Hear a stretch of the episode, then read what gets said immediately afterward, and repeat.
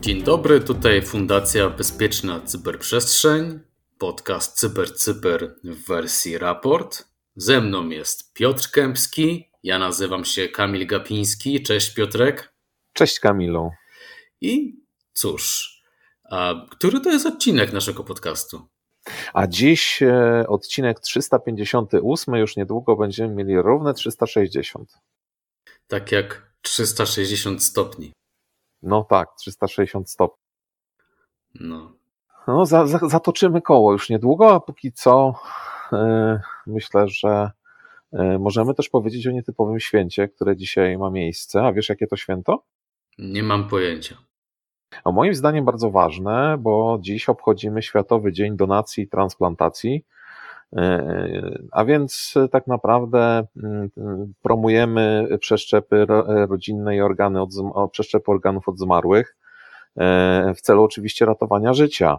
E, miejmy nadzieję, że oczywiście nikomu nic się nie stanie, ale z drugiej strony, gdyby no, komuś miało się coś stać, to lepiej, żeby e, taki przeszczep uratował mu życie.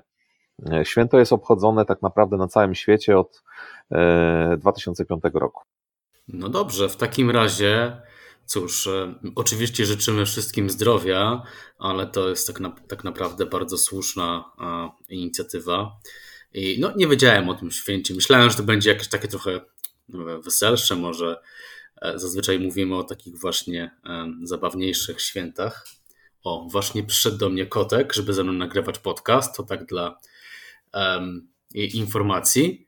No ale cóż, jakie mamy dzisiaj tematy, Piotrze?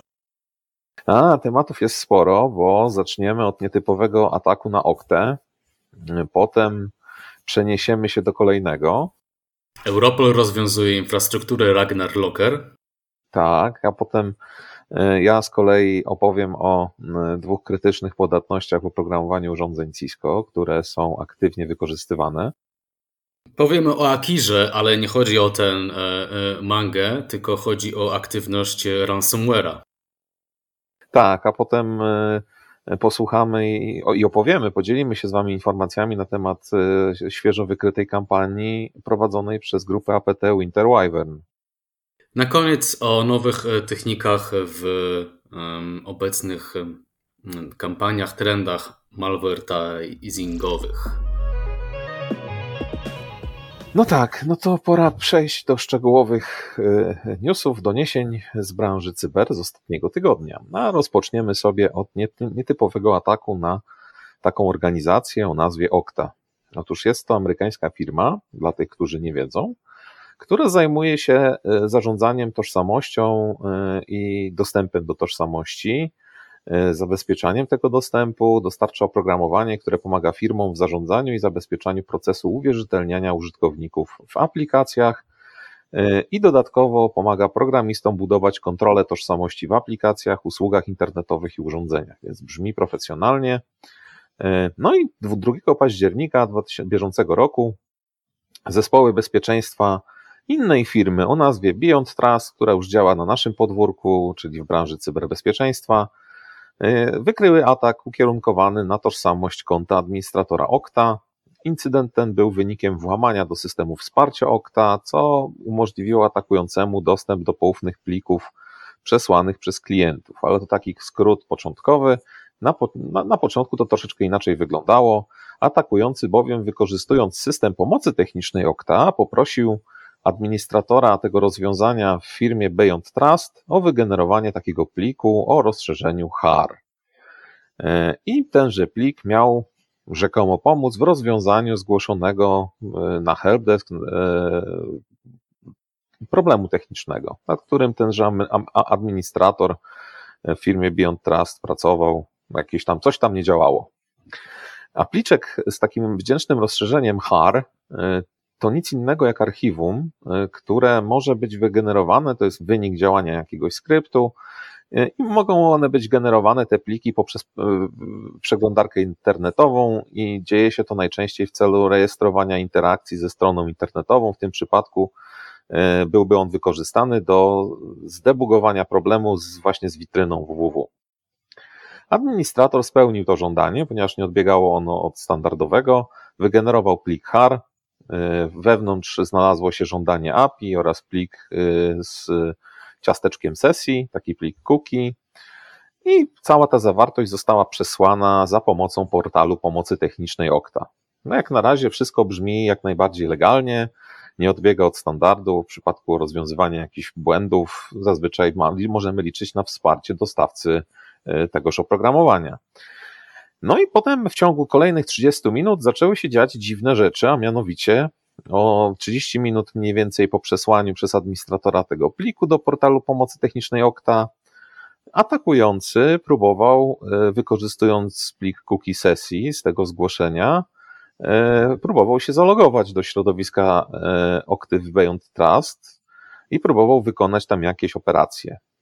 Na całe szczęście do kompromitacji środowiska tejże firmy nie doszło, ponieważ zadziałały inne mechanizmy bezpieczeństwa, które notabene firma zajmująca się cyberbezpieczeństwem miała u siebie zaimplementowane.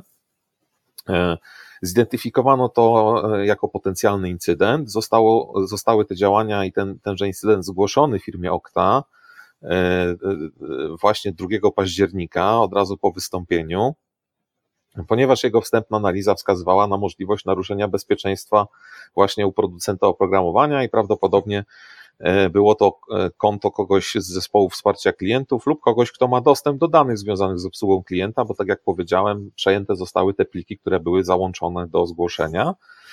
No i firmie Okta zajęło trosze, troszeczkę czasu tak naprawdę przeanalizowanie sytuacji w swoich systemach i całkiem niedawno, bo 19 października tego roku, kierownictwo do spraw bezpieczeństwa w firmie Okta potwierdziło, że doszło faktycznie do wewnętrznego naruszenia, a firma Beyond Trust była jednym z klientów y, dotkniętych właśnie tymże naruszeniem. Także jeżeli jesteście y, y, klientami Okty, nie trafiły do Was żadne informacje na ten temat, to mimo wszystko na Waszym miejscu zweryfikowałbym, czy tam gdzieś jakieś zgłoszenia nie pojawiły się, jakieś interwencje ze strony wsparcia, czy nie były przesyłane właśnie pliki HAR załączane, no na pewno przyjrzałbym się temu problemowi. To jest dosyć ciekawa, ciekawe zdarzenie, ciekawy incydent, ponieważ tak naprawdę pokazuje, jak kompromitacja dostawcy jakiegoś oprogramowania czy też rozwiązań może wyrządzić sporo krzywdy klientom tejże organizacji. Tak, dość ciekawy modus operandi również. No i mamy tu do czynienia z firmami technologicznymi, więc to też jakby ciekawy aspekt tego mm, incydentu, pokazujący, że e, nie tylko typowe organizacje, w sensie nietechnologiczne, mierzą się z zagrożeniami, ale także jak najbardziej organizacje właśnie, które swój biznes opierają na, e, na information technology. Z drugiej strony e, mamy newsa o pewnych sukcesach międzynarodowych, jeśli chodzi o cyber przestępczość, zwalczanie cyberprzestępczości. Są doniesienia z The Hacker News o działaniach Europolu i innych międzynarodowych e, organów ścigania. Chodzi o, o rozwiązanie takiej grupy cyberprzestępczej, a raczej mm, rozwiązanie e, infrastruktury tej grupy. Chodzi o e, ransomware Ragnar Locker, Aresztowano również e, kluczowego dewelopera, cyberprzestępcy, tak, tej grupy i zadziało się to w e, Francji. Jeśli chodzi o sam e, ransomware, działał on na rynku, jeżeli tak można powiedzieć, od grudnia 2019 roku. No i jakby znany jest z bardzo dotkliwych kampanii, jakby z globalnej aktywności atakował m.in. podmioty infrastruktury krytycznej i no, celował oczywiście we wrażliwe procesy i dane. Mówi się o 168 e, międzynarodowych firmach, które były ofiarami właśnie Ragnar Lockera. E, to, co jest interesujące w kontekście procedur stosowanych przez tę grupę, no to stosowali oni e, chociażby tak zwane podwójne wymuszenie, tak? Na początku, jak ransomware się pokazywał nam w naszym tutaj jakby cyberświecie, no to mówiło się o, o kupie po prostu za odszyfrowanie danych. Obecnie już od dłuższego czasu obserwujemy jakby kolejny trend, tak zwany jakby podwójnych czy potrójnych wymuszeń, multi-extortions. Tutaj jakby w literaturze cyber można sobie odnaleźć taki, takie sformułowanie. Więc oni żądają zarówno, żądali zarówno opłat za odszyfrowanie danych, ale także za nieujawnienie skradzionych danych, a czasami także dochodzi jakby do kolejnych warunków, dlatego się mówi jakby o kilku poziomach tego e, wymuszenia. E, no i podczas tej operacji Europolu i e, no, różnych jakby służb mundurowych przeprowadzono przeszukania właśnie w, w Czechach, Holandii, na Łotwie, no i właściwe serwery, urządzenia fizyczne, a także jakby domeny zostały skonfiskowany e, tutaj, jeżeli chodzi o infrastrukturę tej grupy. No i e, do tej konfiskaty miało dojść właśnie w Holandii, Niemczech i Szwecji. Więc gratulujemy. Tutaj zawsze mówimy, że jakby współpraca w cyberbezpieczeństwie jest e, kluczowa. Także jeżeli chodzi o takie dochodzenia już i um, no, szukanie um, winnych i karanie sprawców. Tak, serduszko mi się cieszy i raduje, bo sukces odnotowaliśmy, może nie my osobiście, ale e, środowisko e, tych wszystkich ludzi związanych właśnie z walką przeciwko e, cyberprzestępcom. Fajnie, że udało się rozmontować operacje cyberprzestępców. Super, że udało się zakłócić im funkcjonowanie oby jak najwięcej takich działań, oby jak, jak najwięcej takich newsów, ale póki co przenosimy się tak naprawdę troszeczkę w obszar bardziej techniczny. No, mam tutaj dla Was informacje też e, dosłownie z ostatniego weekendu i tak naprawdę początku tego tygodnia, bo wykryto krytyczne podatności w oprogramowaniu urządzeń Cisco e, i one są aktywnie wykorzystywane, a konkretnie firma Cisco zidentyfikowała aktywną eksploitację nieznanej wcześniej podatności w funkcji Web User Interface, czyli WebUI, oprogramowania Cisco e, iOS XE. E, I tutaj pierwsza z tych podatności otrzymała numer CVE 2023-20-198 i uwaga, ta podatność ma, jeśli dobrze pamiętam, e, CVSS score na poziomie 10, o, więc jest absolutnie top off the top, bo więcej nie da się w tej skali uzyskać.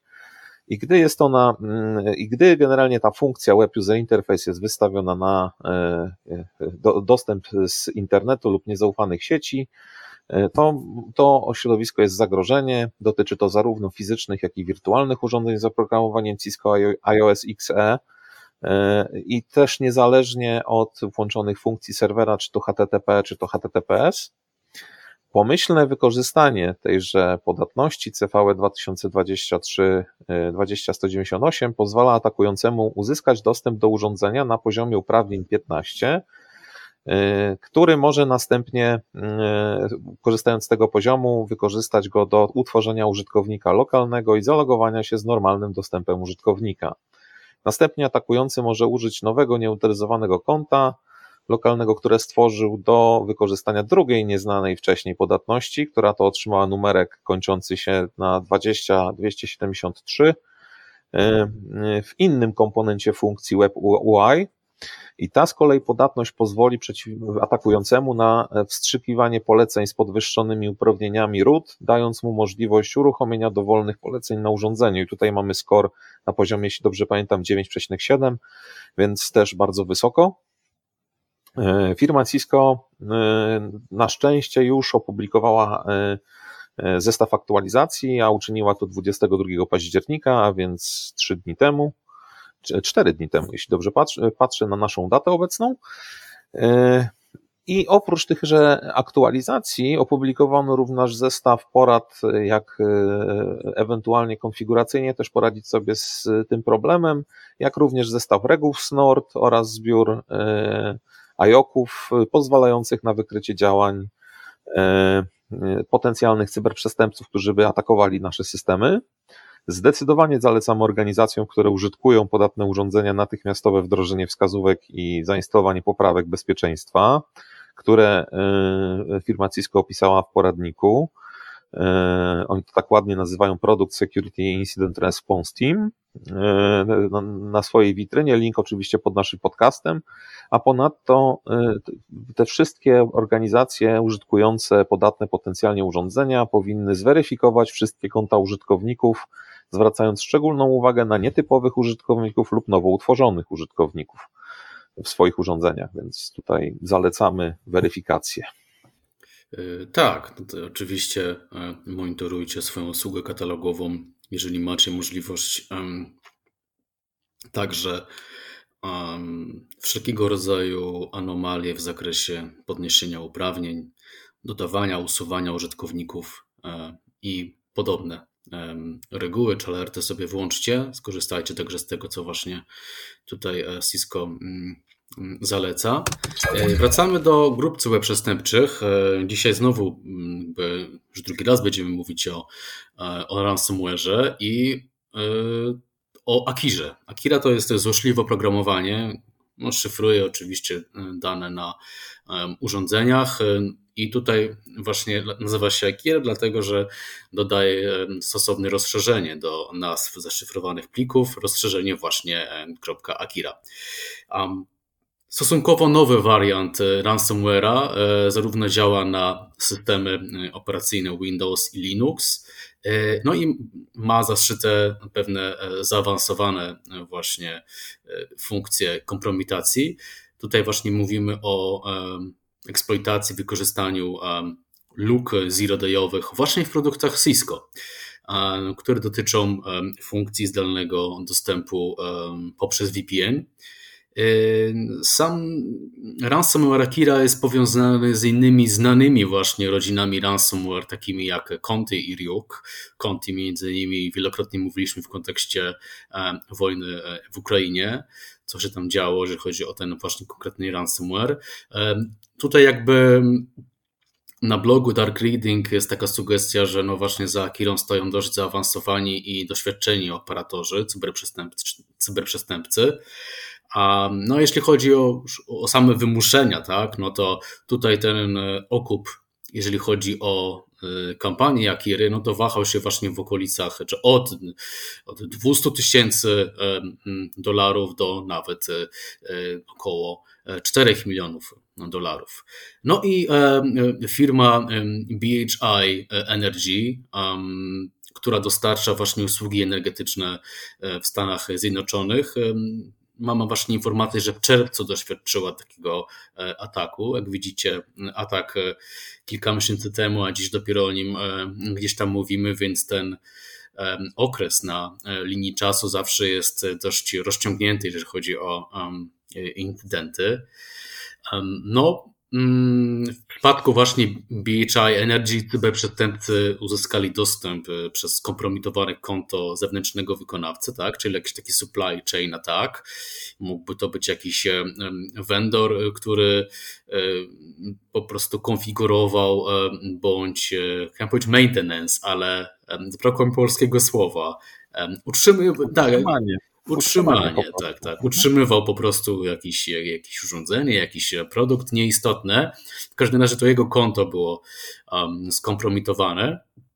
No i e, właśnie poprzez taki e, dostęp VPN-owy e, dalej przeprowadzono e, dwukrotnie rekonesans. E, e, następnie skradziono 690 gigabajtów danych, a na końcu jeszcze um, poleciał właśnie ten ransomware e, Akira.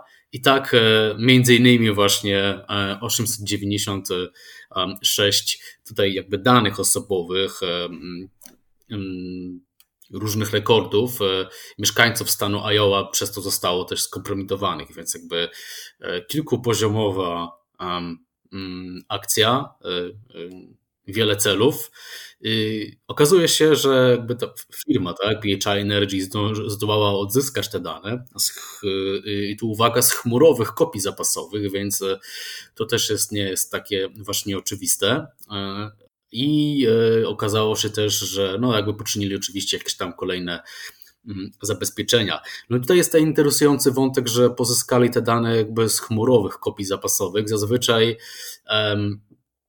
tutaj um, mówimy, że najlepszym takim właśnie backupem dla, dla danych to jest oczywiście taki tak zwany air-gapped backup, czyli taki no jakby na zupełnie innym serwerze czy e, urządzeniu. No tutaj w tym przypadku akurat te dane e, na tych chmurze kopii zapasowej, oczywiście nie wiem, czy wszystkie dane i czy to wszystko tak gładko poszło, tak?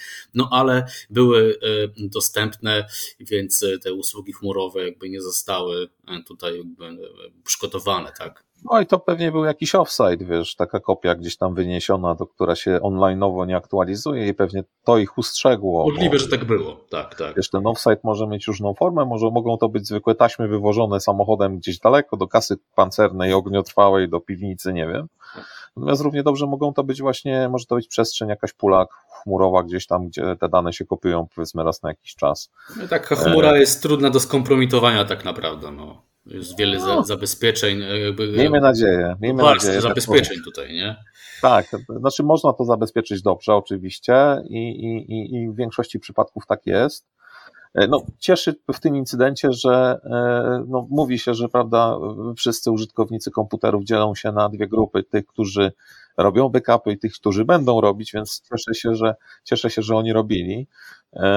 Tak na dobrą sprawę wspomniałeś też o takim trendzie, że faktycznie po kilku miesiącach dopiero dowiadujemy się o incydencie i niestety bardzo często, jeżeli y, jakby w wyniku incydentu, incydent nie jest powiązany z wyciekiem danych osobowych, przynajmniej w Europie, bo tutaj u nas GDPR obowiązuje i RODO w Polsce, tak, i, i, i tutaj jakby firma, z której wyciekły dane osobowe ma obowiązek powiadomić o tym poszkodowanych w określonym okresie czasu. To jeżeli takich faktycznie wycieków powiązanych z danymi osobowymi nie ma, to bardzo często niestety ostatnio firmy już nie chcą dzielić się informacjami o tym, że zostały zaatakowane, czy też, że doświadczyły jakichś konsekwencji związanych z incydentem z różnych względów i myślę, że to taki troszeczkę znowu sytuacja nam się odwróciła, bo był pewien okres, kiedy wszyscy chętnie się dzielili informacjami, a teraz już tak niekoniecznie wszyscy chcą się dzielić, boją się e, strat reputacyjnych, czy to jakichś tam finansowych dodatkowo z tytułu ubezpieczeń. E, no, niefajny ten trend jest i na pewno nie ułatwia nam życia. E, ale na szczęście my, badacze cyberbezpieczeństwa i ogólnie ludzie zaangażowani w ten proces obrony różnych firm, przedsiębiorstw, ale również siebie w domu, e, no lubimy się dzielić informacjami i tak zrobiła firma ESET, a konkretnie zespół ESET Research, odkrył działania grupy APT o takiej nazwie Winter Wyvern, a więc zimowa wiwerna. Grupa ta jest prawdopodobnie powiązana z Rosją, e, a, wy, a z kolei zespół Asset Research wykrył kampanię bazującą na podatności Zero Day, umożliwiającej przeprowadzenie ataku cross-site scripting na serwer poczty elektronicznej. O, coś e, innego niż ransomware, słuchajcie. Tak, coś innego niż ransomware, tak, dokładnie. Tutaj mamy do czynienia z atakiem na serwer poczty elektronicznej i o dziwo nie Exchange, nie jakieś inne rozwiązania, konkretnie RoundCube Webmail, grupa Winter Wyvern to grupa APT, która koncentruje się na działaniach cyberszpiegowskich, a więc głównie na kradzieży informacji. Znana jest z atakowania rządów w Europie i Azji Środkowej. Jest aktywna od co najmniej 2020 roku. I zazwyczaj, aby infiltrować swoje cele, grupa stosuje różne metody, w tym złośliwe dokumenty, strony phishingowe, niestandardowy backdoor PowerShell, Tutaj badacze ESET w swoim raporcie sugerują potencjalny związek pomiędzy Winter Wyvern i inną grupą o nazwie Mustached Bouncer, która to, ta, ta druga grupa jest powiązana z Białorusią. E, natomiast jeśli chodzi o odkrytą kampanię, to w, w, jakby w ramach ataków e, będących, wchodzących w jej skład, grupa Winder Wyvern zaatakowała serwery Roundcube, webmail podmiotów rządowych i think tanków w Europie. Nie, nie wskazywane są z nazw e, konkretne podmioty, czy też think tank w raporcie. E, Asset Research od razu po wykryciu tejże podatności zgłosił ją wydawcy tego rozwiązania, konkretnie zespołowi Roundcube, E, i to miało miejsce 12 października, zaś 16 e, października twórca tego rozwiązania pocztowego potwierdził, że podatność została załatana i opublikowane zostały aktualizacje zabezpieczeń, ją usuwające, więc możemy zapoznać się z raportem, który to kilka dni później został opublikowany. Tutaj jakby godnym, godnym pochwały jest zachowanie tego toku postępowania, że jeżeli padacze bezpieczeństwa wykryją jakąś lukę, to najpierw informują najbardziej zainteresowanego, zainteresowanego, a więc twórcę tejże aplikacji, tak aby miał on szansę załatać się i dopiero by ujawnić można było informację o tej luce w momencie, kiedy już jest e, podatność załatana. Natomiast przechodząc jakby do takich bardziej szczegółowych kwestii związanych z samym atakiem, to podatność e, pozwalała na wykonanie, tak jak powiedziałem wcześniej, ataku typu cross-site scription, e, cross-site scripting, e, a sama podatność otrzymała numer CVE 2023 5631 i pozwalała na zdalną eksploitację poprzez wysłanie specjalnie spreparowanej wiadomości e-mail, i uwaga, nawet w pełni załatane instancje RoundCube były w, momencie, znaczy przed tymi najnowszymi patchami, były podatne na atak z powodu błędu, który występował w skrypcie po stronie serwera, a konkretnie błąd ten był w, plik, w, pliku, w pliku o nazwie rcube podkreślnik, ta podłoga taka, e, e, i tutaj atakujący wykorzystywali właśnie ten błąd Wysyłając wiadomość e-mail, atakujący mógł wstrzyknąć dowolny kod JavaScript do sesji RoundCube ofiary, ostatecznie umożliwiając e, e, im dostęp i eksfiltrację wiadomości e-mail z serwera. Jeśli chodzi o podatne wersje, to tutaj mamy trzy warianty, wszystkie wersje starsze niż 1.4.15, wszystkie starsze niż 1.5.5 to w wersji takiej 1.5 i wszystkie wersje starsze niż 1.6.4, bo w trzech różnych liniach ten produkt jest dostępny obecnie wersjach, także aktualizujcie swoje serwery, oczywiście też testując swoje patche przed, przed instalacją na swoich instancjach, natomiast taka główna porada ode mnie, jak zawsze, bądźcie na bieżąco z update'ami. No to jest na pewno bardzo istotne. To jakby bądź, bądź, bądź, bądź. Ty bądź, ja bądź, wszyscy bądźmy e, na bieżąco. Tak. E, natomiast e, ostatni news, który dla Was przyszykowaliśmy, to jest takie przypomnienie o tym, że malwareizing jest wciąż w trendzie. Tak naprawdę ja nigdy nie wiem, jak to czytać malwareizing, malwareizing, ale chodzi po prostu o o malware zaszyty, zakamuflowany w reklamie. E, więc The Hacker News e, pisze o właśnie tej kampanii takiej, która wykorzystuje Google Ads do kierowania użytkowników na fałszywe strony, tak, skompromitowane, które się one już jakby docelowo są skompromitowane, tak? A następnie te strony dostarczają właśnie ten ładunek złośliwy. No i jak to działa, tak? To jakby cyberprzestępcy liczą na to, że użytkownicy będą e, szukać e, czy korzystać e, właśnie z takich aplikacji, takich usług jak Notepad i różnych konwerterów PDF Słuchajcie, no w pracy biurowej często też chcemy na PDF-a czy na jakieś inne rozszerzenie sobie skonwertować. No i może ktoś po prostu chce to robić online'owo, tak, i nie chce, musi szukać odpowiednich opcji, e, nie ma takich e, możliwości, no to właśnie szuka sobie w Google odpowiedniego linku, no i korzysta z takich właśnie e, narzędzi online'owych. No i właśnie takie pseudo reklamy są tutaj prezentowane w wynikach wyszukiwania Google'a. E, reklamy są oczywiście fałszywe. E, po kliknięciu w taką e, reklamę użytkownik jest tak naprawdę zaciągany, jest zapraszany do strony ze złośliwym oprogramowaniem taka fałszywa reklama po kliknięciu, to co u niej się dzieje, to ona filtruje boty oczywiście, no bo um, tak też się może zdarzyć, że po prostu boty czy jakieś urządzenia skanujące, cokolwiek może po prostu na taką, taką domenę odpytywać, wchodzić na nią, e, a także niechciane um, adresy IP, no, tak, żeby e, ta kampania dotyczyła e, właściwych użytkowników, e, czyli po prostu ludzi, tak? No i prezentują tę wówczas tę oszukańczą stronę www. Tutaj droperem, jeżeli chodzi o pobranie takiego pliku, złośliwego jest plik typu HTA, to jest plik HTML Application. Trochę aplikacja, trochę program.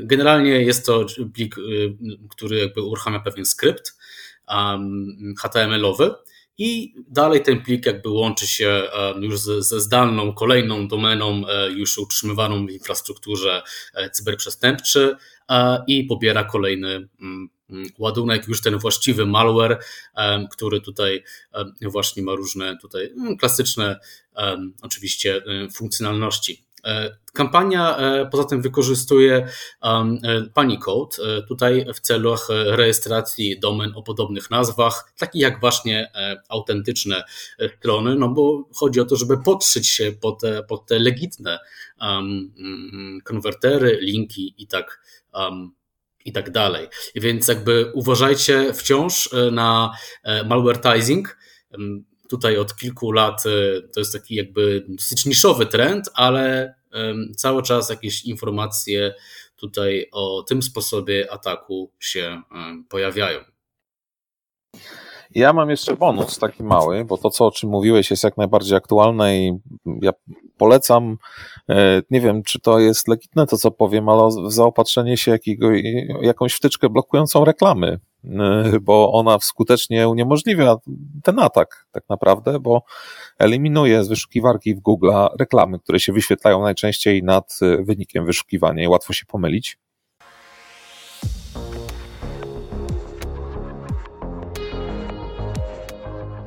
Partnerem strategicznym podcastu CyberCyber jest Koncert SA, lider na polskim rynku cyberbezpieczeństwa. Sprawdź nas na www.koncert.pl. Natomiast mam dla Was mały bonus.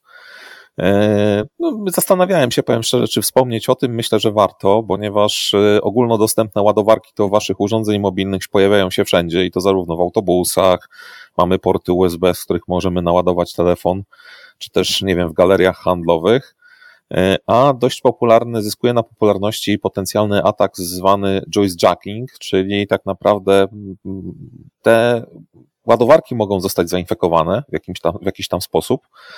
W związku z tym warto zaopatrzyć się w, takie, mm, w taką przejścióweczkę, która blokuje transfer danych na przykład do waszego telefonu, jeżeli już korzystacie z takich miejsc. Dlaczego o tym mówię? Bo dostrzegł ten fakt również Rzecznik Praw Obywatelskich i kilka dni temu e, przesłał stosowne pismo do Ministerstwa Cyfryzacji oraz ostrzegł tak naprawdę Polaków, publikując komunikat na stronach całkiem oficjalnych przed tego typu atakiem.